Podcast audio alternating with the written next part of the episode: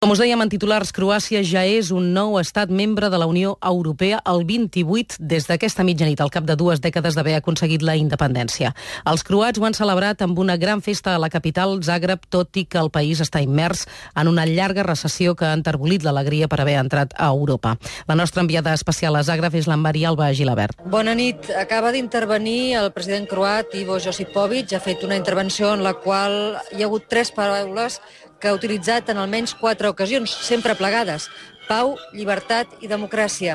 Al voltant d'aquestes tres paraules ha vestit un discurs en el que ha advertit que a partir d'aquest 1 de juliol, ja és 1 de juliol, encara que tot sembli com abans, res no ho serà, perquè s'obrirà pel davant un nou camí ple d'oportunitats i també de responsabilitats i de reptes.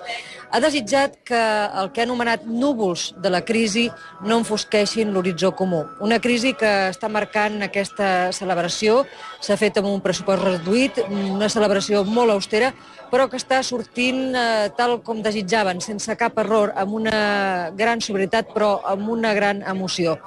El president de la Comissió Europea també està present en aquesta celebració. José Manuel Durao Barroso ha felicitat el poble croat per haver aconseguit a base d'esforç i de treball el seu desig d'integrar-se a la Unió com a membre de ple dret i ha dit que gràcies a aquest gran esforç fet en l'àmbit de drets humans, reconciliació i progrés en pau s'ha acabat un procés amb el que també ha dit s'inicia un capítol nou que ha de servir i en això ha insistit d'exemple a altres països de la regió. Es referia, eh, esclar, als països membres de l'antiga Iugoslàvia.